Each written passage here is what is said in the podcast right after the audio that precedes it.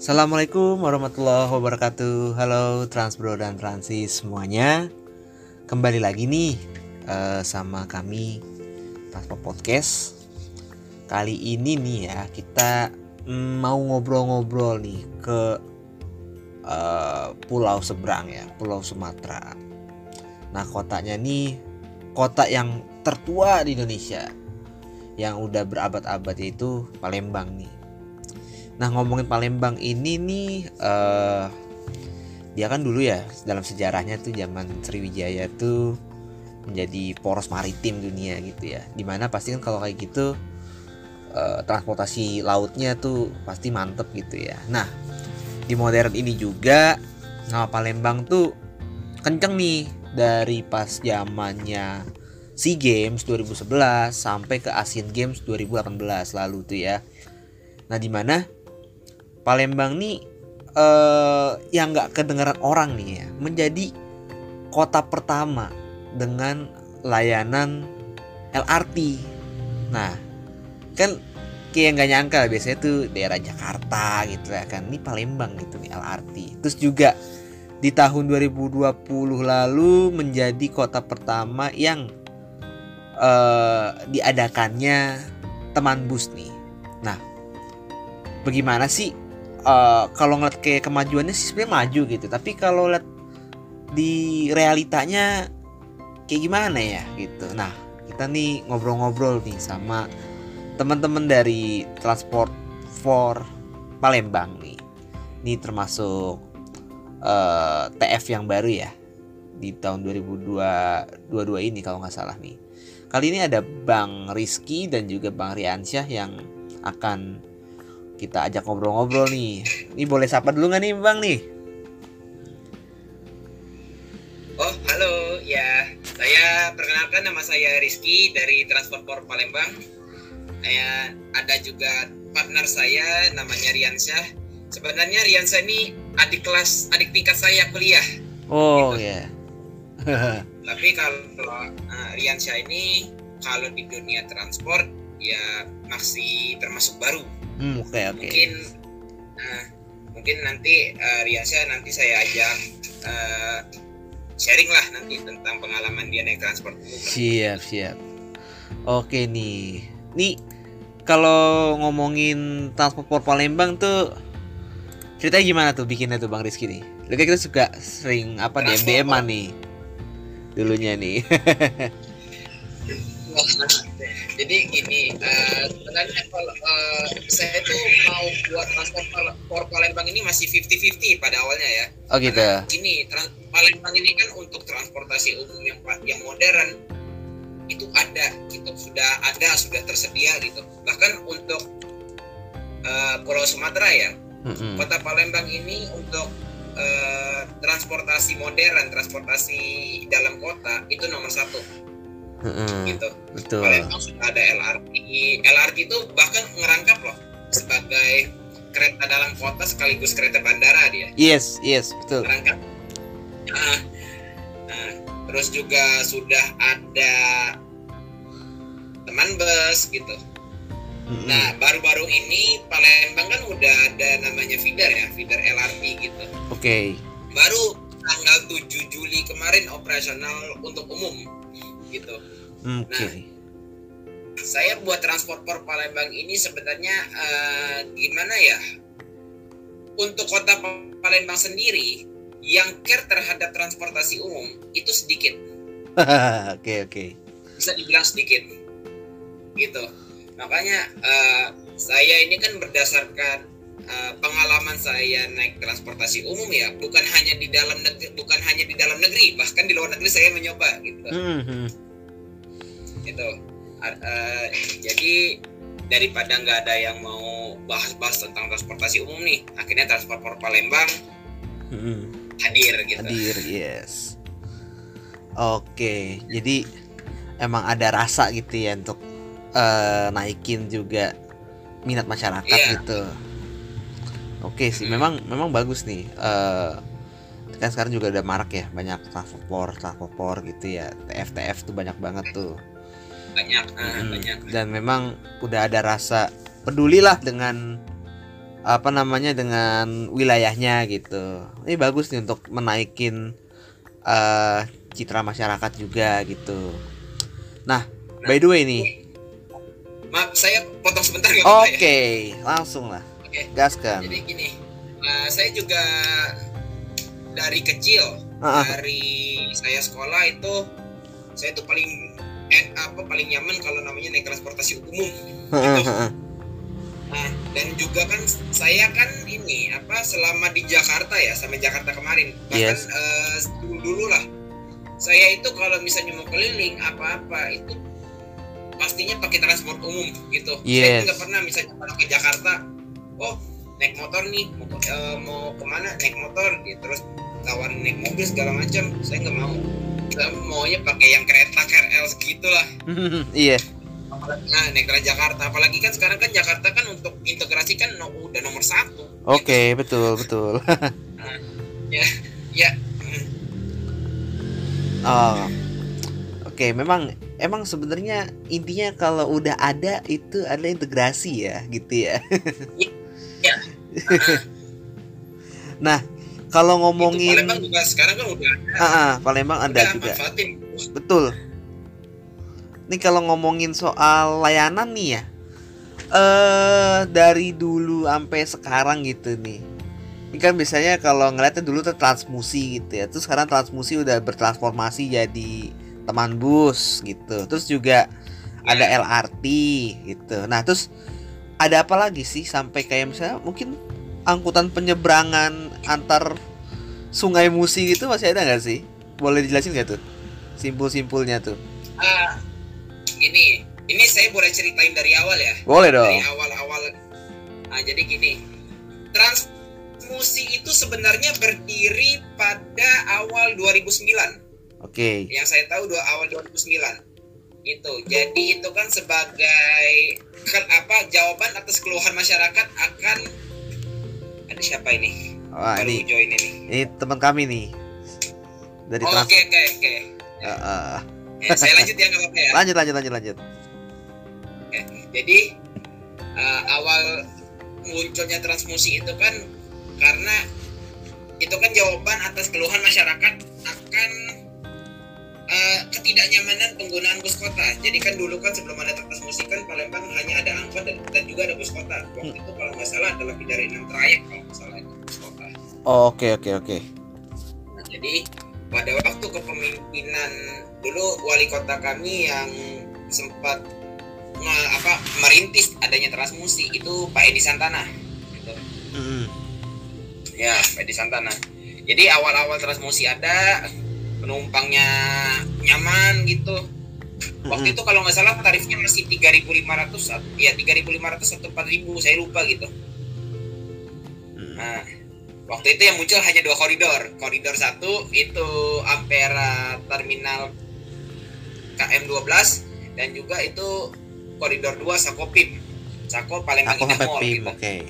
Nah, habis itu transformasi lagi, nambah koridor lagi, uh, uh, ya sampai akhirnya sampai berapa koridor kalau nggak salah tuh lebih dari 8 kalau lebih dari 8 bahkan ada uh, ini layanan apa uh, yang sampai keluar kota oh. Pangkalan Balai uh, Indralaya waktu itu okay. dan bahkan ada layanan khusus untuk mahasiswa Unsri gitu Unsri iya Unsri dengan tarif 8000 Oke. Okay. Saya pernah nyoba tuh.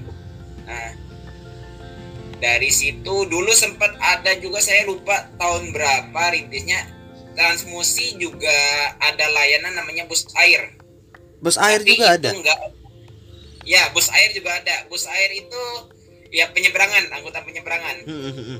waktu itu kalau nggak salah rutenya dari Pulau Kemarau sampai ke mana ya? Sampai ke pelabuhan 35 ilir terus sampai ke ini ada dermaga belakangnya stasiun Kertapati itu ada nah, okay. situ dia wow. rutenya nah, bagus tuh dan itu sayangnya tidak bertahan lama karena sempat mendapat protes dari ini apa tuh? dari apa kalau menyebutnya uh,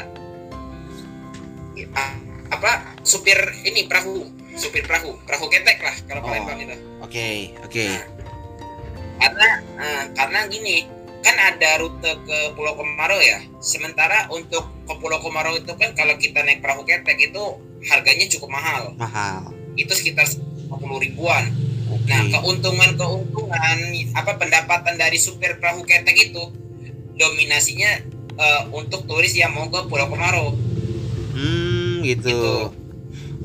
Nah, makanya se- semenjak eh, bus air itu ada tujuannya ke Pulau Komarau dengan harga yang murah, wajar dong mereka protes. Iya, benar. Dan akhirnya bus air tidak ber- tidak beroperasi lagi. Itu nggak tahu nggak nyampe setahun itu udah stop.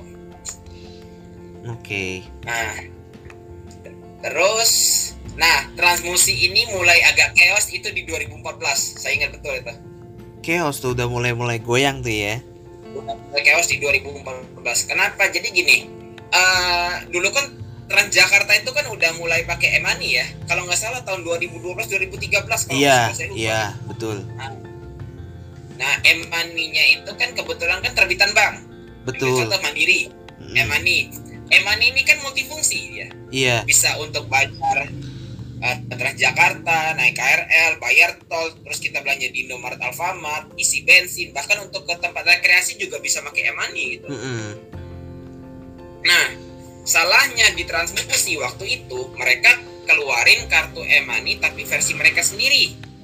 Di mana mereka itu untuk dapetin kartunya uh, terkadang hanya di halte transit dan untuk isi saldonya pun hanya di halte transit dan halte terminus. Iya. gitu.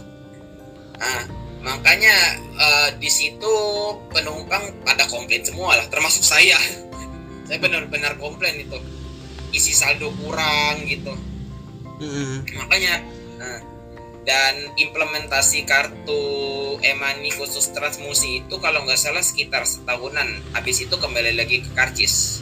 Oh, sayang banget ya. Itu udah mulai Ya, penurunan banget. sayangnya tuh.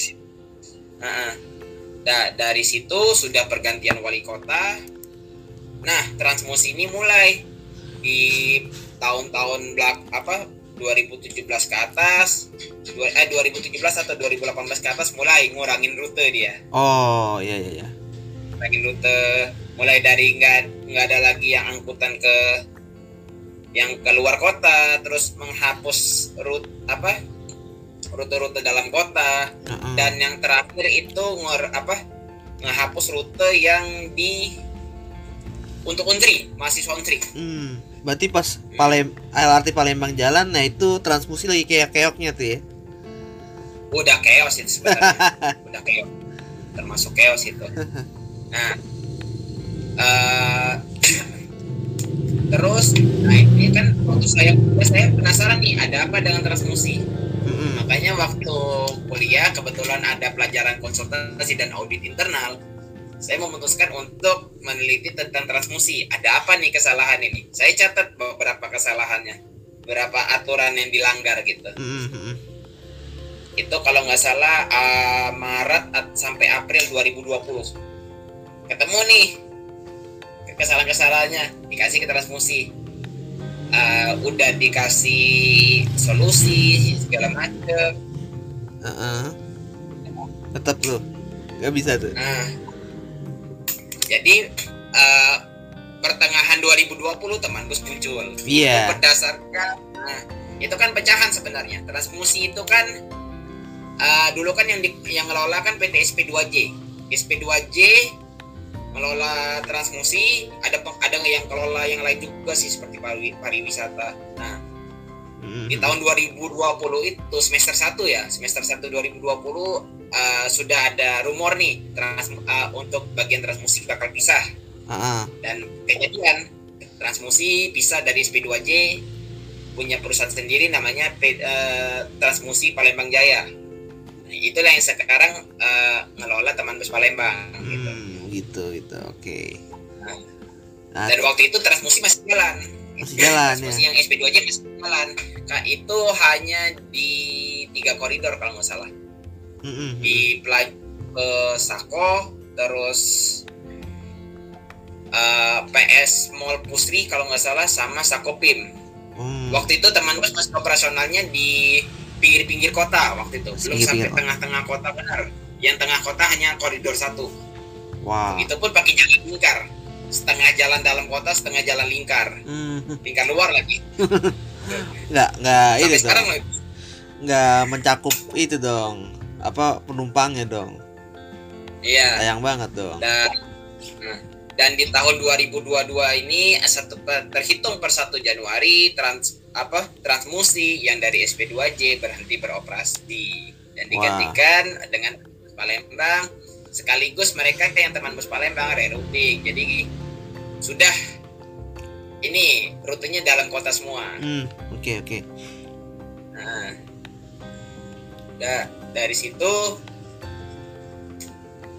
Eh, kalau nggak ya mereka yang rerouting perkenalannya itu sekaligus dengan perkenalan feeder feeder awal-awal itu sebenarnya dimunculkan di di ini Februari berbarengan dengan rerouting berbarengan dengan acara ke- gerakan nasional kembali ke angkutan umum Mm-mm. itu kalau nggak salah bulan Februari Iya nah, Februari feeder prototipnya ditampilin di situ Terus baru dioperasi kema- kapan tuh? operasional tanggal 7 Juli 7 Juli ya. sempat di launching dulu kalau nggak salah akhir Juni Uji coba ya, saya ingat coba. saya ah, akhir Juni di Geri Agung waktu itu dikenalin sekitar 26 sampai 29 armada langsung dikenalin ke publik Mm-mm. hmm. Hmm. Gimana dan bagus. tanggal 7 Juli operasional langsung Nasional. Hmm. Kalau ngomongin itu tuh ya apa terminal-terminal nih, itu terminal tuh di Hmm. Palembang ada apa aja sih terminalnya? kalau terminal ya terminal di Palembang nih sebenarnya ada berapa ya ada ti ada tiga ya, satu dalam kota dua yang sudah di pinggir-pinggir kota Dalam kota Kalau yang Sako, terminal dalam kota itu terminal Sako namanya. Sako. Itu kalau yang Terminal Sako. kalau yang ada akapnya gitu-gitu. Kalau akap sebenarnya itu di terminal KM12 dengan terminal alang-alang lebar. Oh. Eh terminal apa? Ter- Karya Jaya, sorry. Terminal Ka- Karya Jaya. Oh, Karya Jaya. ya. Karya Jaya itu yang di Kertapati terus lagi, terus yang KM12 namanya alang-alang lebar. Alang-alang Cuman lebar. gini ya, untuk terminal Karya Jaya tuh sekarang kan lagi sepi. Hmm. nggak tahu kenapa itu sempat ada rumor eh, terminal itu akan disambungin jadi sekaligus stasiun lah untuk pengganti stasiun Kertapati yang sekarang sudah sumpah akan batu bara Mau dipindahin gitu ya? Itu. Katanya gitu. Ah, ah, rumornya cuman sekarang ya kabar rumor itu udah hilang gitu nah untuk terminal KM12 ya aka also known as terminal alang-alang lebar Mm-mm. itu terminal kalau saya nyebutnya ya terminal kuburan Kenapa tuh? karena di situ banyak bangkai-bangkai transmusi Oh Gitu. iya iya iya paham paham. untuk bus-bus akap itu sebenarnya ada sih yang masih lewat-lewat di terminal KM12 tuh ada cuman ya bu- apa ya dikit sih gitu Dikit ya. ya dikit dikit. Jadi kan kebanyakan yang untuk termin apa eh, bus-bus akap ya seperti Lorena sep- seperti Sinarjaya itu bukan yang di ini bukan yang di terminal. Hmm, tapi di, di- ini di pinggir-pinggir jalan. Tapi agen. yang sudah arah terminal itu. Hmm gitu. oh ya satu lagi saya lupa. Ada satu terminal lagi dalam kota. Kebetulan dekat rumah saya terminal pelaju. Oh pelaju. Oh ah pelaju. tapi terminal ah, terminal itu eh, yang rame tuh angkot angkot Oh. yang tujuan ke udah keluar kota juga sih Hmm. udah luar kota Palembang Nah, sama apa ada beberapa bus juga cuman yang rutenya ya masih pendek-pendek lah gitu. Iya iya iya. bus-bus kecil tapi bukan yang bus bukan yang bus-bus itu bukan bukan yang bus ukuran besar bukan itu Nah. nah eh ya lanjut Apa tuh kalau angkutan perairannya tuh mas, masih jalan ya yang apa perahu perahu ketek-ketek itu ya? Perahu, kalau perahu ketek masih perahu ketek masih ya. Berarti itu nah eh, masih masih berjalan terus juga sempet waktu itu ya eh, transmusi jalan tapi ya berhenti lagi karena ya mereka gitu gitu sebenarnya sih iya, harusnya air. harusnya di itu ya dielaborasi ya sebenarnya sih ya. iya mungkin belum ada pikiran situ dulu gitu belum belum ada sih. Kalau kereta kan sekarang kan gitu gitu aja. Ah. kereta Oh, iya, iya, gitu gitu lanjut, aja lanjut, ya. Tet- Nah, apalagi tadi ya? Kereta kereta. Ah, kereta gitu gitu oke. aja ya gitu gitu aja ya. Kak? ya kereta, kereta nih belum nih ya. Kereta kan untuk eh, kita bahas ke stasiun Kertapati dulu nggak apa-apa ya? Boleh dong. Oke. Di Vertiga eh ya di Kertapati ya gitu-gitu aja sih sebenarnya. Iya. Sebagai tempat. Ah, sebagai tempat untuk yang penumpang-penumpang ke arah Jakbasa, Sindang Marga, Serelo. Ini entah ya Limek Sriwijaya sampai sekarang nggak jalan-jalan loh. Mm-mm. bingung saya. Nah layanan kereta penumpang di stasiun Kertapati ya hanya itu Raja Basa Kertapati Tanjung Karang PP Mm-mm. yang pagi ya kelas ekonomi. Serelo Serelo itu Kertapati Lubuk Linggau PP yang pagi. Mm-mm. sama Sindang Marga. Kertapati Lubuk Linggau tapi yang kelas eksekutif dan bisnis gitu. Oke. Yang malam. Nah sisanya mo- kereta apian di situ ya kereta-kereta barang semua batu bara semen pertamina apa eh, minyak Mi- eh, betul. Pertamina gitu. Betul Nah, betul. LRT mulai. Masuk 2018 saya ingat betul waktu itu sempat diajak ini siapa? Garin. Oh. Nah, nah, tur 2018 bulan Maret. Waktu itu masih pembangunan itu. Saya ikutin betul. Dari awal. Adanya LRT di Palembang itu saya ikutin benar dari awal. Dari Gimana yang tuh? buat buat eh, konstruksi yang bikin macet.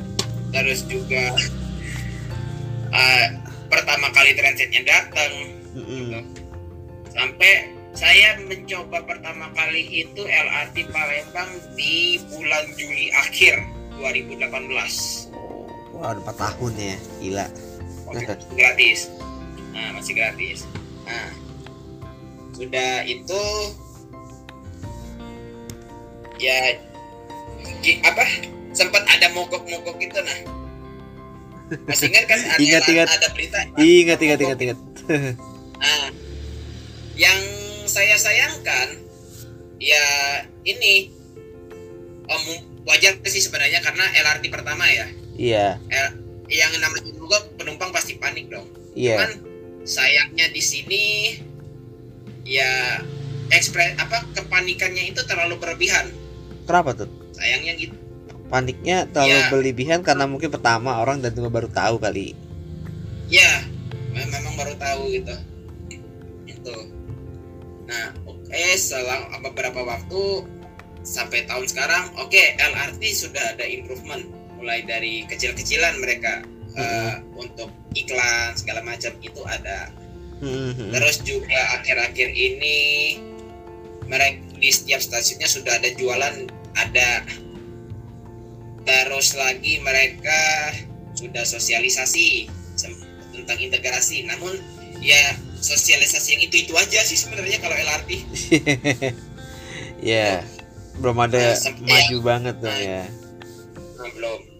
Waktu itu kan ada eh, eh, integrasi nih, integrasi tiket naik LRT 5000 naik transmusi nyambung hanya 2000 jadi kan satu tiket gitu.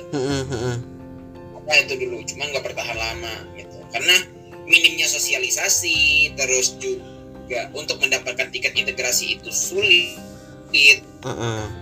nah makanya di- itu dihapus gitu. Nah LRT ini kal- kan udah berjalan 4 tahun ya? Iya. Sudah sudah sudah bu- sudah resmi 4 tahun. Waktu itu transport Palembang sudah sempat merayakan dengan memposting lah transport Palembang. PR masih banyak nih. Iya benar. Lihat kok lihat lihat. Banyak banget. Eh, ya ya kalau dari saya dua yang mesti apa jadi PR PR besarnya nih LRT dua. Pertama tentang ticketing vending machine yang kedua ialah penghapusan aturan 5 menit sebelum kereta datang baru boleh naik ke peron. Ya itu tuh kenapa ya lucu banget sih. Masih beli tiket tuh scan barcode gitu. Aduh tiket kertas saya udah nggak habis pipi udah udah udah angkat tangan saya Menjadi pertama tapi ya begitu ya. udah angkat tangan gitu nah itu cerita tentang LRT gitu iya iya. Ya, Hmm. sebenarnya eh, Palembang nih banyak ya gitu eh, yang bisa dikembangin gitu ya. Nah mungkin nih dari si David Henok nih mungkin mau ada pertanyaan yang mau ditanya nih. Oke, izin masuk semuanya. Tadi kan udah udah puas nih ngebahas kereta, terus ngebahas terus juga transmusi segala macamnya. Nah, boleh nih. eh eh, aku mau ngebahas yang mungkin nggak berbau nggak berbau darat dulu ya. Meskipun tadi udah sempat disinggung dengan dengan apa tuh tadi? Dengan kapal itu ya tadi ya. Ya. Oke. Pertama nih. Ngomongin bandara. Asik. bandara di pagi-pagi itu apa sih namanya lupa? Sultan Mahmud Badarudin. Oke, Sultan Mahmud Badarudin. SMB. SMB. Boleh ceritain, boleh ceritain nggak tuh tuh Sultan Mahmud Badarudin dua tuh kayak mana bandaranya, terus apakah hanya di penerbangan domestik apa do, domestik aja gitu karena dulu kan sempat ada tuh dipakai eh, untuk pendaratan pesawat-pesawat besar ya untuk gelaran Asian Games ya atau Ya. yang terakhir tuh latihan latihan bersama dengan militer itu. Ini eh, ini ya kalau untuk apa yang kedatangan pesawat internasional baru-baru ini Garuda Shield.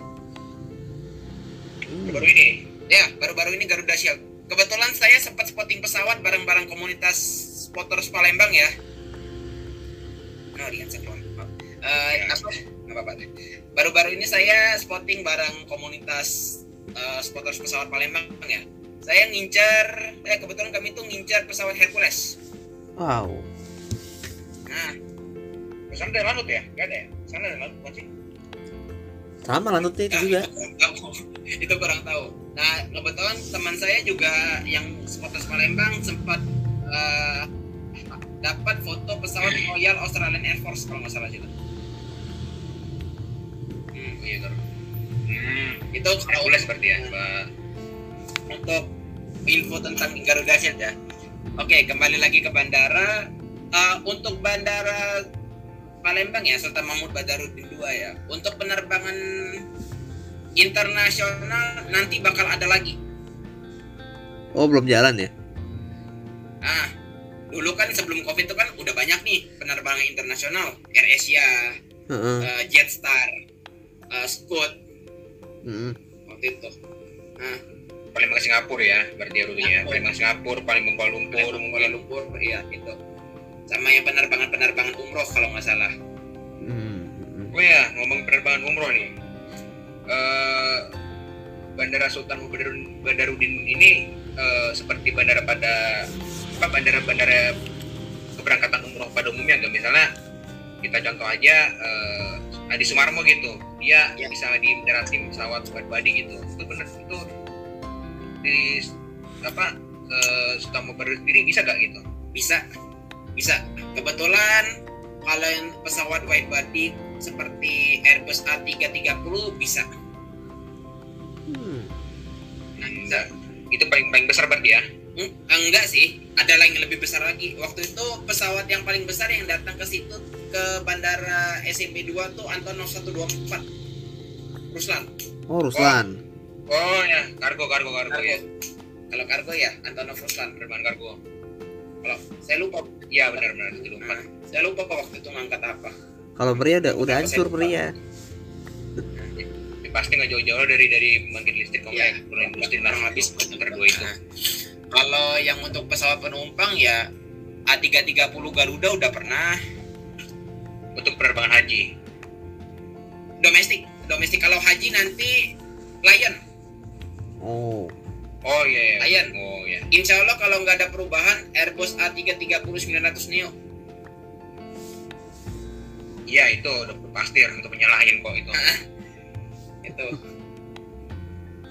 Oke berarti ya. Eh, terus dari pandangan teman-teman transport per Palembang ya, eh, kan tadi ini udah dibahas nih apa kekurangan dari si apa kekurangannya LRT. Mungkin boleh boleh boleh nih singgung nih kekurangan di moda transportasi lain. Ini contohnya mungkin mungkin bebas lah senggol dikit eh, di Bandara Sultan. Badarudin sendiri tuh. Apa sih kurangnya itu? Bandara Sultan Mahmud Badarudin 2 ya? Iya. Apa ya? LRT-nya kali. Mahal. Kalau LRT enggak LRT, LRT enggak. Enggak kalau LRT enggak. Bandara saya kurang tak saya kurang tahu ya. Kalau tapi kalau dulu dulu itu kan yang permasalahan di bandara itu udah pasti tentang supir travel. Sama travel supir taksi. Masih itu ya? Super travel sama, sama super taksi. Ya. Kan ada Tetap gitu. taksi nah, taksi taksi lokal kan masih ada di situ. Iya. Hmm, jadi istilahnya taksi lokal untuk kota istilahnya ya ada sedikit perdebatan dengan travel yang istilahnya ke pelosok Sumatera Selatan seperti itu. Ya sama waktu itu kan sempat ada debat sama ini masuknya Uber. Oh Uber. Uber. Oh. gitu. Sekarang kan ah terus juga Gokar nih Gokar. Gokar kan kalau nggak salah di bandara SMB 2 ya hanya untuk nganter. Terus jemputnya di mana? Ya jemputnya di mana tuh Nah, jadi hanya untuk drop off gitu. Misalnya kalau ada penumpang yang baru turun dari pesawat nih, Mhm. mau naik gokar. Nah, itu masih masih jadi perdebatan itu. Nggak boleh jemput, hmm, nggak boleh jemput penumpang. udah boleh ngambil penumpang kan nggak boleh, nggak boleh. ya berarti permasalahannya apa untuk untuk sekarang transportasi Palembang tuh yang bisa dilihat apa dilihat dengan teman-teman sekalian itu mungkin permasalahan di eh, luar bandara berarti ya ini yang, yang terdekat nih eh, Gokar gak bisa ambil penumpang Bisa. terus taksi lokal taksi lokal Mm-mm. berdebat dengan travel Nah, oke kalau untuk dalam eh, di bandara sendiri ya, ini ada satu sih sebenarnya. Saya eh, saya itu sangat menyayangkan anjungannya ditutup. Anjungan penumpang. Hmm, wah Anjungan penumpang sekarang apa gitu tuh kebiasaan pesawat berarti ujungnya bisa. Gitu. Jadi Iya. kalau saya dan juga komunitas ini ya, spotters Palembang ya, harus nyari sendiri. Ya lokasi untuk spotting pesawat. Ada yang sampai masuk perumahan lah, ada yang mas sampai masuk masuk ke sawah. sawah-sawah gitu, yang jalanannya becek-becek, itu itu yang yang disayangkan nih itu, gimana nih aduh yang disayangkan itu. Anjungan untuk penumpang ditutup. Sama yang untuk misalnya kan di bandara SMB 2 tuh kan eh, di sebelah kiri bagian keberangkatan dan sebelah kanan bagian kedatangan itu masih lihat masih dulu masih bisa lihat pesawat tuh. Ah, Nah, sekarang ditutup. Ya Tuh. iya sih. Sayangnya di situ. Eh dibilang katanya untuk safety reason sih. Cuman ya kita juga nggak tahu eh, per, masalah permasalahan kita pesawat, pesawat apa kita pesawat kenapa, kenapa sampai sebegitunya lagi Ya. gitu. Nah ini ini juga ya eh, bukan hanya itu juga sih. Jadi di apa di daerah Talang Betutu itu akses yang bandara lama ya. Itu ada tuh satu tempat yang kita nih sebagai warga biasa bisa lihat nih pesawat take off segala macam apa eh, landing mm-mm. waktu itu tuh ada kayak apa pagar pagarnya itu masih belum ada ini sekat kawat gitu sekarang ada Hmm.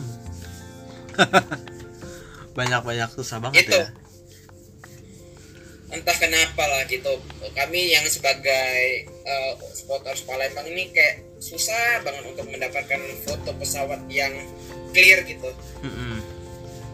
sampai kami ka- apa kita kita sendiri sebagai spotters Palembang itu untuk mencari tempat spotting sendiri gitu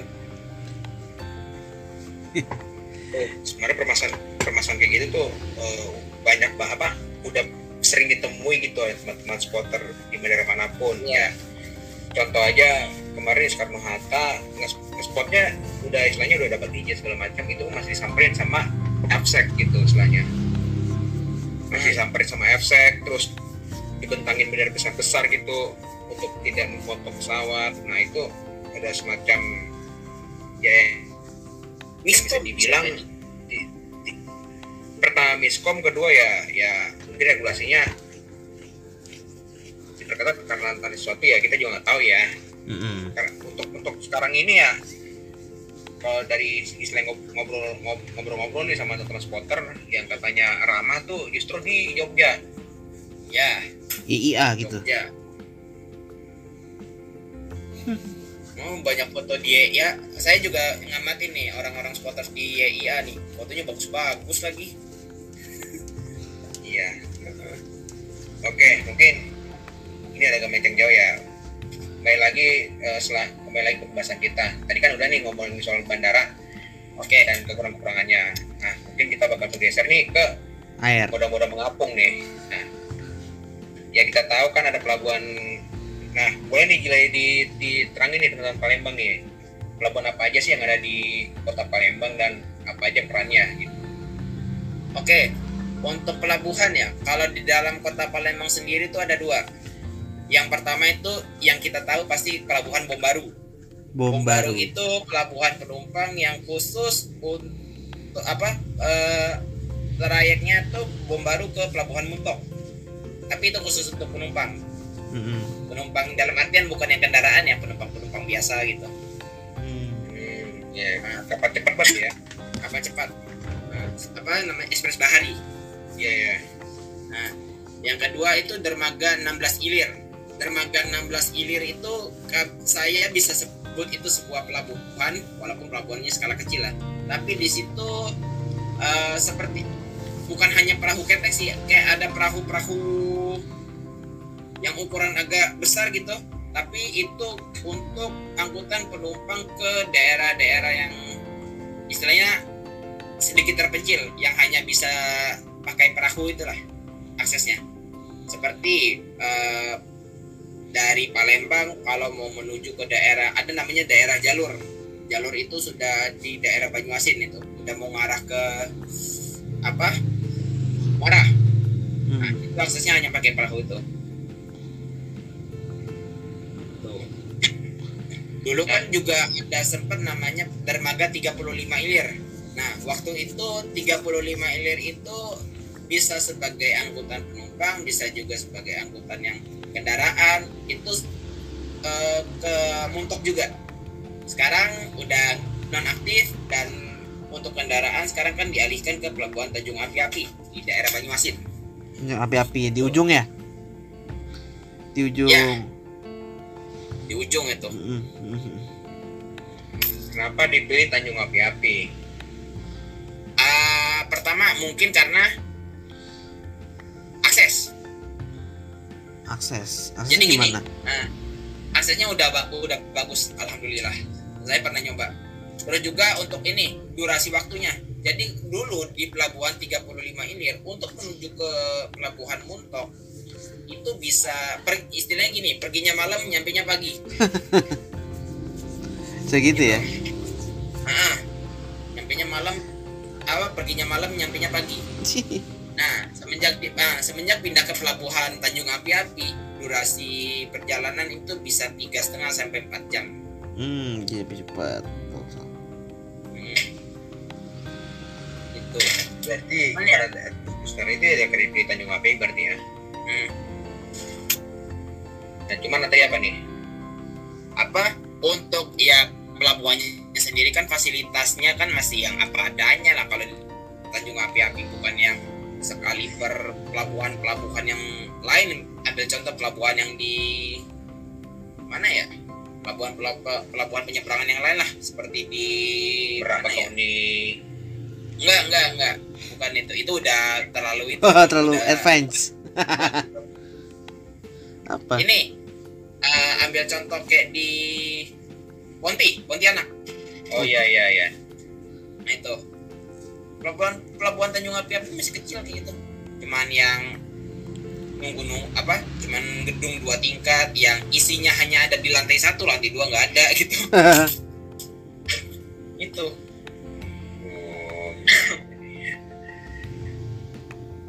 Oh, Saya Oke. pertama pertama kali saya oh iya. Api-Api itu 2019 akhir. Untuk untuk Oke, mungkin di, di Palembang sendiri ada nggak sih pelabuhan yang istilahnya khusus kapal-kapal ini gak ada ya? khusus kapal apa? Pelni. Kapal-kapal kali ini. Kapal Pelni. oh nggak ada? Nggak ada ya? Nggak ada karena Pelni sendiri nggak nggak masuk situ ya? Nggak nggak. Pelni nggak ada. Itu ini aku kurang ta- apa kurang tahu juga ya. Eh, bisa jadi nanti Pelni itu akan ada di Tanjung Api-Api dengan catatan misalnya kalau pelabuhan Tanjung Api-Api itu akan diekspan lagi akan Hmm. dikembangin lagi. Rumornya saya dapat itu.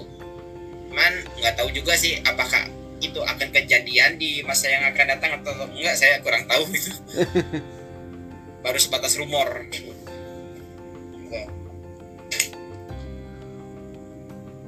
Padahal potensial loh daerah Tanjung Api-Api Tanjung Carat itu potensial.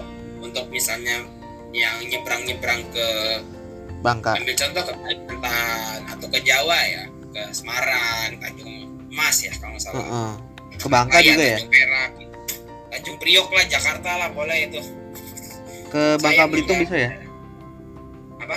Bangka Belitung bisa juga dari situ? Dari Bangka Belitung dari mana? Dari Tanjung Api-Api ada? Ada itu yang yang biasa itu Ada ya? yang regulernya kita Nah, iya tuh harusnya dikembangin tuh bisa tuh. Pokoknya tuh bisa kayak kawasan metropolitan Palembang gitu luas jadinya tuh ya. Ah metropolitan Palembang itu kan sebenarnya menya- ah, menyangkut Palembang terus ada Banyuasin Pangkalan Balai. Kayu Agung. kalau mau masukin Banyuasin yang Tanjung Api-Api juga bisa itu. Hmm, terus juga Kayu Agung. Indralaya Kayu Agung. Oh. Palem Raya Agung Palem sebutnya. Raya Agung oke. Nah Itu. Palem Raya Agung atau Patung Raya Agung gitu. Patung Raya saya Agung. lupa patung patung Palembang Iya, betul Patung Raya Agung. Raya Agung. Palembang Kayu Agung Betung Mm-mm. Indralaya Pangkalan Balai ya, itu. Wah banyak. Banyak kan nah kira-kira kalau jadi kawasan metropolitan Palembang bisa itu sebenarnya kalau dikembangin. Bisa ya. Tapi Bisa itu banget itu. apa pemerataan apa kalau kita ngomongin ini ya? Apa? Perencanaan gitu perencanaan transportasi publiknya ataupun pengembangan transportasi publiknya gitu ya tuh. Dari transport Palembang nih ada harapan gak sih? Eh bagaimana gitu untuk kawasan metropolitan Palembang? Tadi tuh yang apa patung raya patung raya itulah. Terus juga apa ya istilahnya ya? Eh katanya nih kan pemerataannya itu lebih meratanya tuh di daerah apa? Ilir ya? Atau ulu atau ulu ya? Hilir ilir ya? Ya. dibanding ulu ya? Untuk dalam kota ya? Nah, untuk dalam kota masih di hilir nah atau di gimana hulu yang dulunya ada sekarang dilenyapkan dulu untuk sementara waktu. Apa tuh? Kecuali yang bagian hulu ti- hulu ini kan yang Ketapati ya? kecamatan nah Kertapati Jakabaring Pelaju Pelaju iya tiga kecamatan itu ah, yang hulu ah, ah. nah yang yang yang beruntung hanya Jakabaring iya. Karena ada LRT masih. Ah, ah. yang Pelaju sama Kertapati itu dilenyapkan dulu. Untuk sementara waktu. Ini saya kurang tahu juga ya. Soalnya gini Kertapati itu yang saya dengar Mm-mm. masyarakatnya masih kurang support untuk transportasi umum Hmm. iya saya iya dengar kalau Pelaju, nah, kalau Pelaju support pasti Pelaju Mm-mm. daerah-daerah Pelaju seberang Ulu 2 itu support Kecamatan Jakabaring itu support yang agak kurang support ini di Kecamatan seberang Ulu 1 dan juga Kertapati yang saya dengar gitu. Hmm. Sayangnya di situ. Padahal Kertapati seberang Ulu 1 potensial loh. Apalagi ada stasiun Kertapati iya betul. apalagi ada Terminal Karya Jaya Mm-mm. sayangnya di situ. Masyarakatnya yang saya dengar kurang support. Seperti itu. Kalau di ilir banyak kalau di Hilir semuanya support. Gitu. Semuanya support. Gitu. Hmm. itu kalau kita Hanya bicara bicara apa tuh? Infrastruktur juga banyak banyak di ilir ya? Hilir. Ilir ya? Kan Hilir. Nah, terus juga ini gimana nih? Apa jembatan Sungai Musi kan udah ada berapa sih? Jembatan eh di Sungai Musi ya? Ada jembatan Musi 1 also known as Ampera jembatan Musi 2 berserta duplikat Ah, ah. jembatan Musi 4 jembatan Musi 6 itu Nah. yang dalam kota ya Mm-mm. jembatan Musi 5 nggak dihitung karena itu jembatan tol Oh, oke. Tiganya? Yang tiga? nah ini agak lucu sih sebenarnya Musi 3 nggak ada dulu sempat ada rumor jembatan Musi 3 akan dibuat itu melewati Pulau Kemaro cuman dibatalkan Di Pulau Kemaro nggak boleh. yang mengatakan jembatan Musi 3 itu bukan berupa jembatan melainkan underground Hah? rutenya dari Hong Kong melewati Pulau Kemaro juga jatuhnya ke daerah Seilais sampai sekarang rumor tersebut hilang. Jadi ada satu, dua, empat, lima, gitu, enam, Sat- kalau dalam kota 1 2 4 6 satu, dua, empat, enam, lima tol gitu ya, oke ya, Cuma tol jatuhnya tol iya. Oke. oh, alah, tiganya gak ada. kayaknya ya lenyap kalau kami nyebutnya lenyap Lenyap. Hmm. Nggak tahu nanti kalau ke depannya ada rumor lagi akan mengatakan oh jembatan Musi 3 akan dibangun itu ke depannya saya kurang tahu tuh Oke. Nah, terus tadi nih soal eh, pendapat nih ataupun harapan lah dari transport Palembang nih eh, terkait perencanaan transportasi publik atau pengembangan lah gitu. Kira-kira mau diharapinnya gimana sih nih untuk closing statement kita nih? Boleh. jadi ini saya ingin bicara tentang pengembangannya dulu ya Oke. nah untuk rencana ke depan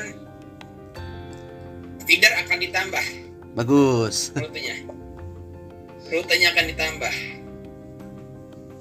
Eh, terus juga ya feeder akan ditambah rutenya dan juga akan dipasang alat tap on bus Tap on Nah, ya, bos. tap on Oke. itu nah yang Oke. tap, ya, tap in tap out itu Oke untuk oke. sekarang kan mereka belum ada Mm-mm.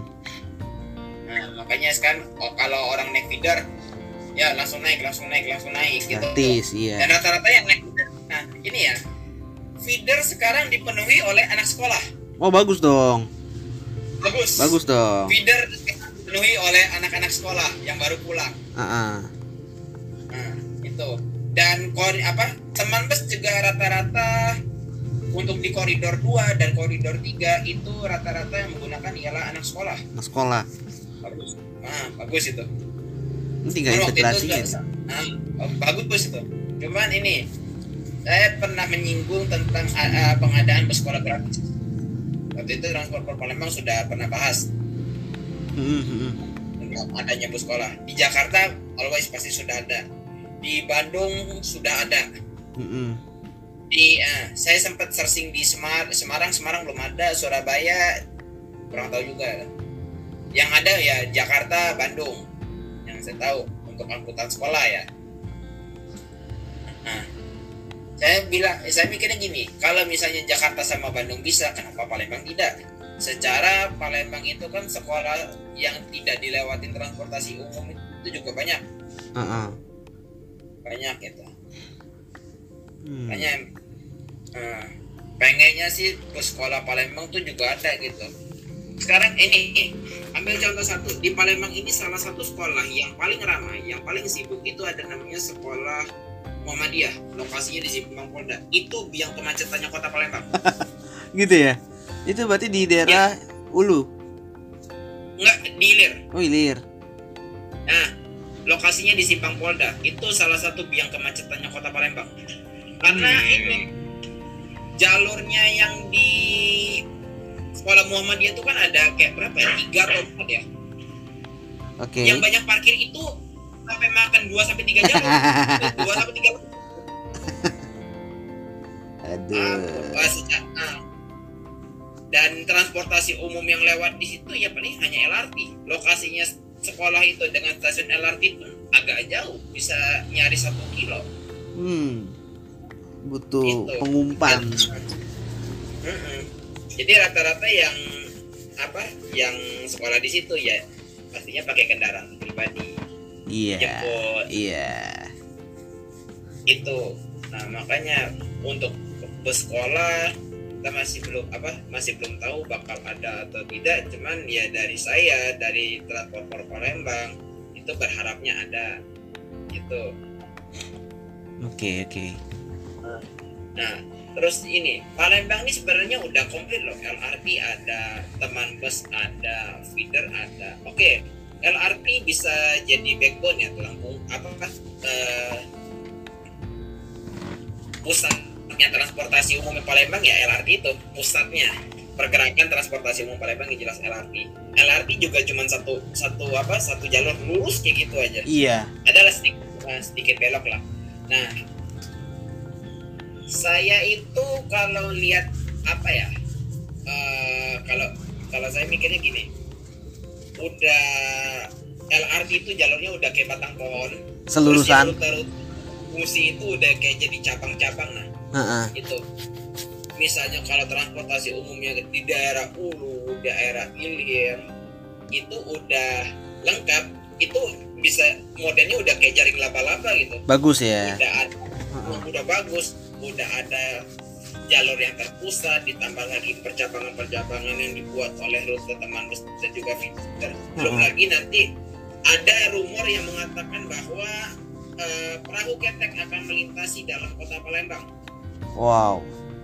Bagus. Oke oke. Terus. ada terus. rumor itu karena didukung oh, apa itu didasari oleh suksesnya revitalisasi sungai Skan ini sungai Skanak Skanak Lambidaro tuh Hmm, hmm, hmm. Nah, dan juga katanya ada rumor jembatan-jembatan yang melintasi sungai Sekanak Lambidaro itu akan dibangun ulang. Hmm. Nah, eh, muncul, sudah muncul dugaan kuat itu. Oh, apa perahu ketek akan melintasi dalam kota. Oke. Udah lewat, udah lewat terway-nya Jakarta waktu itu. Oh, ba- bagus malahan jadi waterfront city ya. Bagus, Ah, water, nah itu untuk menghidupkan namanya waterfront city. Gitu. Heeh. Bisa banget itu sebenarnya. Nah, sungai di kota Palembang itu ada dua yang sungai besarnya. Hmm. Yang sungai Musi ya, percabangan Iya. sungai Musi, ada sungai Musi. Itu ada namanya sungai Sekana, ada lagi namanya sungai Bendung. Nah, dua sungai itu yang potensial untuk dibangun jaringan transportasi sungai. Insya Allah nanti kalau ada kesempatan pengen buat ininya dah, buat petanya, buat peta jaringan langsung deh. Iya, bagus sungai. tuh. Bagus tuh, bagus bagus. rencananya itu. Nah, terus juga harapan kami sebagai apa eh, pengguna sebagai pengamat yang transportasi dalam kota Palembang ini juga integrasi itu jangan cuma sekedar fisik lah, Heeh. jangan Bisa. pembayaran terus Informasi. apa iya informasi nah saya berharapnya satu juga eh, integrasi itu dalam hal pengelolaan Pengelolaan. Oke, gimana tuh? nah rapid KL tahu Oh iya. De- ya, nah itu mau kayak gitu juga gitu ya. Kita jadi misalnya berharapnya itu itu jangka panjang itu Ah, ah, ah, ah. pengennya kayak gitu Oke. nah, saya tuh kalau bicara tentang integrasi Kuala Lumpur itu nomor satu Iya, Singapura Kuala apalagi. Lumpur terus juga apalagi ya Eh, nah ini Palembang ini udah satu nih yang sudah mencontoh model Eropa Apa nih? ada Apa tuh? warna warna unit armada Warna unit armada. Gimana gimana gimana tuh? teman bus itu kan be- kalau dilihat ya unit Merah. armadanya itu warna merah sama oh, ini sama oranye Oke. Teman apa feedernya juga begitu Oke, Ikut- iya, ikut. sesuai. Nah, nah, Eropa itu warna apa unit armadanya Eh, dalam artian kita bicara tentang busnya Yes. terus Merah. juga kereta bawah tanahnya Merah. terus juga tram ya itu satu warna mereka Oke. rata-rata satu warna satu warna itu dalam artian itu di bawah naungan satu kalau ini pengelola. Mm-mm. misal contoh nih Frankfurt tempat saya kemarin. Warnanya hijau. Bus tram kereta bawah tanah. Itu yang mengelolanya VGF Mm-mm. Nah, saya lupa kepanjangannya apa itu bahasa Jerman lagi. Nah itu. Satu warna. Satu warna sudah satu ini pengelola nah itu Palembang hanya warna gitu Udah trademarknya merah merah ya? itu ya, merah kuning gitu ya. Nah, dan juga warna itu menambahkan identitas daerah Oke. Iya. Palembang terkenal akan merah-merah song merah-merah ampera oranye songket Oke, iya. Betul, setuju. oh iya satu lagi saya pernah dapat kabar dari orang transmusi katanya armada untuk teman bus akan diganti di Oh, tahun bet- depan Tahun depan. Seperti itu Oh, berarti ada ini dong, ada apa? Peremajaan ya. ya Bagus sama ya. ini kan kalau untuk teman bus ya dari seluruh teman apa teman eh, daerah-daerah yang ada teman busnya Oh. Palembang ini masih menggunakan bus yang ini high deck Iya. Belum yang entry masih belum ada yang low entry ya. belum ada Heeh. sementara di Solo itu Iya. sudah ada Sudah low dan entry semua. daerah-daerah lain Betul. Palembang ini sempat saya tanya kenapa masih pakai bus ini maaf ah, masih pakai bus high entry karena itu kebanyakan menggunakan bus hibah Musibah, betul. Pak Kemenhub sayang dong bus hibah itu nggak dipakai Yes. itu sayangin ah, itu jadi katanya bus low entry akan dipakai apa akan digunakan di 2023 rumornya dan juga di tahun 2023 saya pernah baca di suatu apa koran ya media koran eh, kota Palembang juga bus teman busnya akan ini bisa jadi ya menggunakan bus listrik Oh iya, memang udah ada eh, kajian dan juga itu sih. Apa? ya Dari Kemenhubnya emang udah settingan begitu. Kan kemarin Solo udah uji coba gitu. Ntar Oh, mana lagi sudah. mana lagi. Jakarta, wah saya sudah coba. Aceh bahkan sudah pernah. Heeh. Itu. Surabaya kalau nggak salah pernah ya waktu itu ya. Surabaya pernah. Pernah uji coba saya ya. tahu Surabaya. Pernah kedatangan bus listrik, pernah uji coba juga kalau nggak salah Surabaya. Iya. Gitu. Insya Allah 2023 kalau nggak ada perubahan dan kalau itu benar-benar kejadian. iya iya iya. Gitu. Oh iya satu, saya kalau nggak salah eh, sempat buat eh, Dream Road peta. Jadi ada peta jaringan yang saya buat sendiri itu eh, Dream Road saya. Eh, jaringan peta jaringan impian. Nanti insya Allah kalau nggak salah akan di apa di di post minggu depan kalau jadi. Jadi ada Road gitu. Siap, Jadi Road itu meliputi eh, apa yang saya sebut tadi yang benar-benar terintegrasi apa eh, semua daerah tuh ada semua daerah kena itu untuk untuk itu ya apa dream master plan-nya apa ya? Master Palembang plan-nya. Palembang itu metropolitan iya mantap mantap Insya Allah minggu depan eh, akan saya posting tapi itu belum termasuk rute yang untuk ini ya untuk angkutan sungainya belum. Mm-mm. masih sebatas itu. Mm, oke oke. Insya Allah minggu depan mau saya ini. Oke. Apa posting roadnya itu? Ih, mantep memang Itu. nih. Tapak Palembang nih mantep nih. Em, visi misinya tuh bagus nih ya. Eh, tertata dan juga bener-bener visioner nih bagus nih. Nah ya, eh, itu sih makanya Palembang dengan transportasi umum yang sudah memadai sayang harus dimanfaatkan ya bener ya. Sayang ah, sayang sayangin di situ yang care sedikit Iya. iya itu kan ya kan? Ah, kalau gini ya kalau bicara tentang pres apa? Kalau dari pandangan saya tuh gini Transportasi umum Palembang oke ada. Intinya ada aja. Ayo dulu. Eh, perihal perihal apakah itu bagus atau enggak atau misalnya eh, sarananya itu kan urusan belakang. Intinya ada gitu. Ada dulu ya. Itu kalau menurut saya ya. Gitu. hmm, Terus juga kota Palembang apa Palembang ini kan eh, gimana ya? Karena kalau dibilang minim naik transportasi umum tuh enggak Tapi ada kok pasti yang masih naik transportasi umum tuh ada cuman yang saya lihat ya Grab Gojek itu masih mendong oke. Iya, karena tipikal orang Palembang tuh gini, cepat, murah, Hmm. Kebetulan itu murah. gitu. Cepat sampai gitu. Kebetulan itu. sampai, harganya apa dengan tarif yang murah, udah Grab Gojek.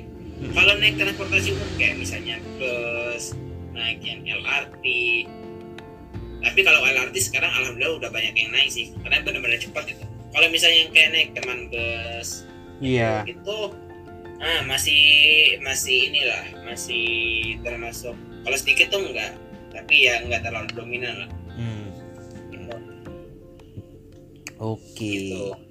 Waduh, makasih Karena banyak nih. karena karena gini Gile dapat Transmo- apa, ilmu baru nih. kan eh, rutenya udah ya enggak enggak lewat depan rumah atau dekat-dekat rumah mereka dan juga kan lambat karena macet Iya.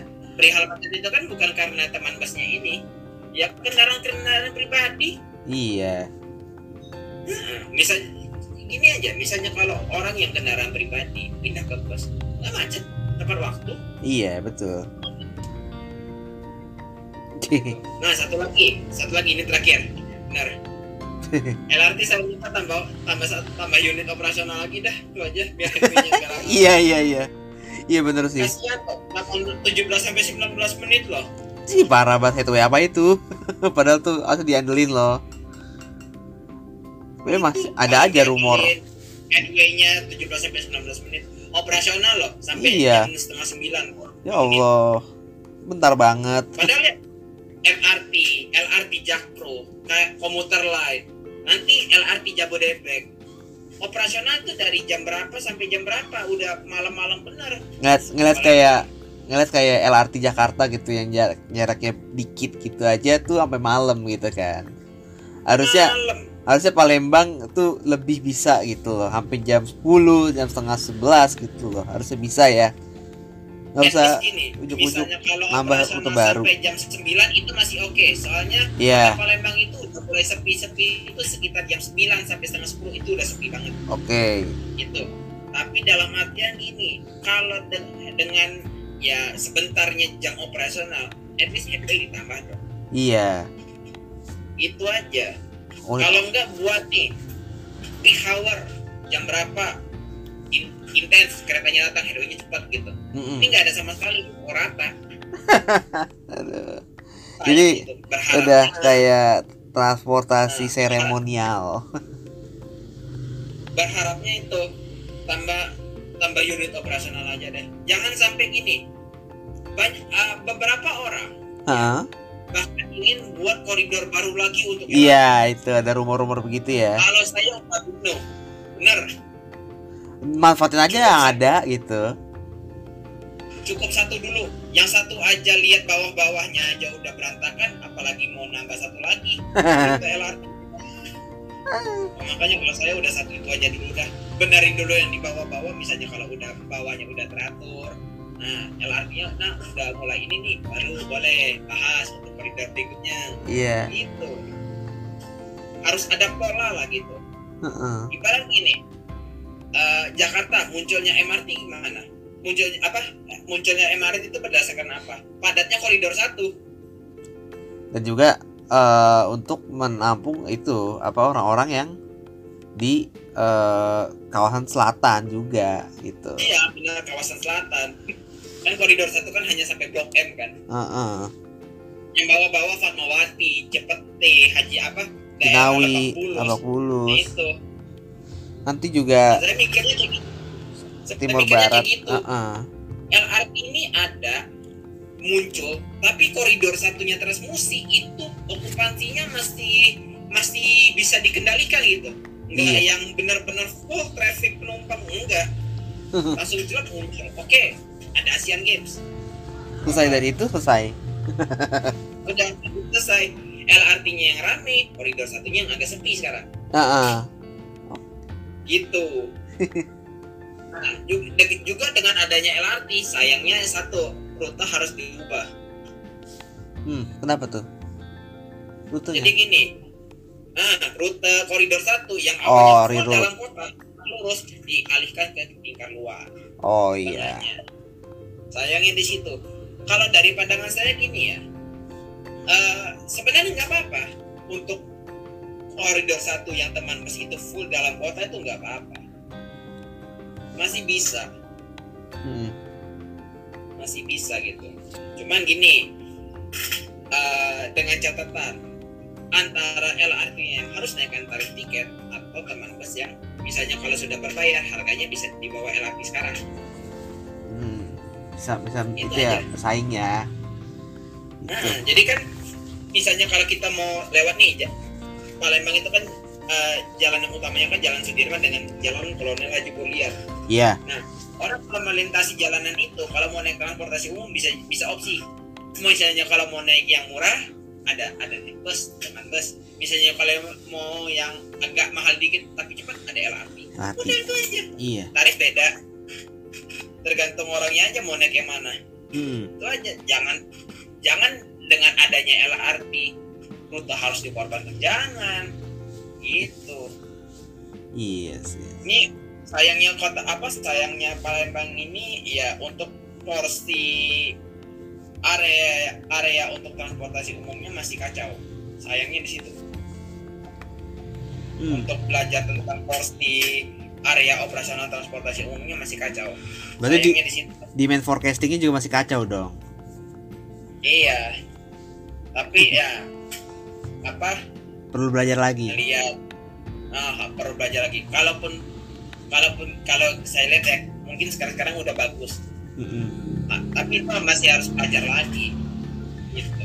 Mm-mm, bener harus tahu nih untuk LRT itu eh, areanya yang gimana? Terus juga porsinya untuk operasional teman bus menjak ada LRT itu harus berapa gitu. Untuk angkot juga berapa gitu. Kalau Iya. dari saya sebenarnya ada hitungannya sih cuman agak complicated gitu. Saya ada Iya, oke. Gitu. Udah cukup. Wih mantap. Gila ya gila ya. ini mantap nih. Makasih banyak loh nih eh mungkin dengan adanya obrolan ini nih ya bisa memantik banyak sektor nih khususnya gitu ya. Ya, karena ini kan langsung nih dari apa aspirasi masyarakat juga gitu dan ada orang yang care gitu mau care dengan transportasi publik. Nah dengan dibantu oleh ya Transport for Palembang ini nih. Jadi eh bisa ditampung aspirasi masyarakat dan juga ternyata begini loh masalah-masalah yang ada di Palembang terkait transportasi. Ya khususnya darat sih memang ya darat nih emang pelik ya gitu. Tapi di kemudian hari gitu ya seiring jalannya waktu semoga juga bisa merambah ke ya transportasi perairan juga kalau misalnya mau punya Ya. konsep waterfront city terus juga di transportasi udara tadi tuh juga masih ada ya eh apa ya banyak inilah restriction restrictionnya lah gitu. Ya oke. kalau nih kalau untuk transportasi udara ya biasa lah itu. kalau dari saya cukup udah nggak yang terlalu terlalu itu benar nggak. Ah ah ah, yang ah. terlalu. Yes. Memang benar-benar masalah memang di darat sih darat sebenarnya. ya darat tuh ke air dah tuh. kalau air ya Heeh. air gitu. banyak sih. Sebenarnya Oh. kalau untuk problem-problem yang lain itu masih banyak sih kalau misalnya ambil contoh kas- kasusnya kereta Kertalaya itu Wah. bisa itu juga itu kita juga pernah ngobrolin sama apa Opka ya Opka Sumsel ya tuh nah Ah. pengen tahu nih Oka nih gimana nih Opka itu bagus juga sih, tapi eh, mungkin lebih digiatkan lagi untuk eh apa namanya mengintegrasikan dengan angkutan perkotaan juga. Jadi nggak nggak harus apa ya?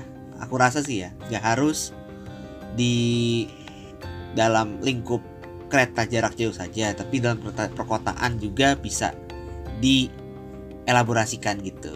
Nah, ya itulah Iya. pentingnya itu antara antar multisektor gitu ya bisa saling integrasi apalagi apalagi kan ini udah Kemenhub semua LRT Kemenhub teman bus Kemenhub gitu ya. Kemenhubnya orang Palembang Nah, iya gitu. lagi Kemenhub Palembang ya gitu. Ah, ah, bisa lah harusnya lah. Harusnya bisa. Bahkan untuk mewujudkan kereta lokal itu sebenarnya bisa loh kalau Bisa. untuk metropolitan Palembang. Ya itulah. Sayangnya Kartalaya sudah Saya off. Prop. sayangnya gitu. Oke. Kalau mau dibahas Kartalaya itu Eh. adalah kalau ada kaca Kartalaya. Bahkan untuk buat rute Kartalaya sampai Kayu Agung pun saya ada. Mungkin bisa. Ya itu harus kajian dalam lah di Jen keluar juga sampai ke pengoperasian dari KAI langsung. Wes lah itu Hmm. harus lah kalau untuk Ya, Palembang cuman untuk Raya. kalau kereta-kereta yang apa yang jarak jauh lokal kereta-kereta barang Ya, itu udah kan ya udah settingannya udah udah oke lah ya settingannya. ya udah udah apa ada kewenangan ada ininya sendiri Iya. ada yang pegang sendiri dari Uh-uh. OPKA gitu kalau saya kan cuman yang sebatas itu Perkotaan. aja aja gitu Yes. Oke nih, thank you banget nih Mas Bang Rizky nih ya. Wah, makasih juga nih Mas Eka Waduh. ini seru seru ini pengalaman podcast pertama saya Oh iya ya. Oke. Seru. baru ketemu udah Iya, ini emang emang harus menggebu-gebu gitu sih memang harus dikeluarin semua nih apa yang jeleknya, apa yang kurangnya harus nih di sini. Gak apa-apa, kita terima ya. Biar yang mendengar tuh audiensnya tuh eh, akan jadi eh, terima gitu masukan dari kita kita nih. Oke. Ini aku makasih banyak nih udah dijelasin iya. macem-macem soal problematika yang ada di Palembang segala transportasi yang sebenarnya sih udah bagus tinggal dikembangin lagi. Ini thank you banget nih Bang Rizky nih. Wah iya, makasih juga Mas Haikal sama Mas David nih juga makasih nih. iya. Oke dan transis itu dia episode dari kami. Semoga bermanfaat untuk kita semuanya yang mendengarkan ya. Oke terakhir. Assalamualaikum warahmatullahi wabarakatuh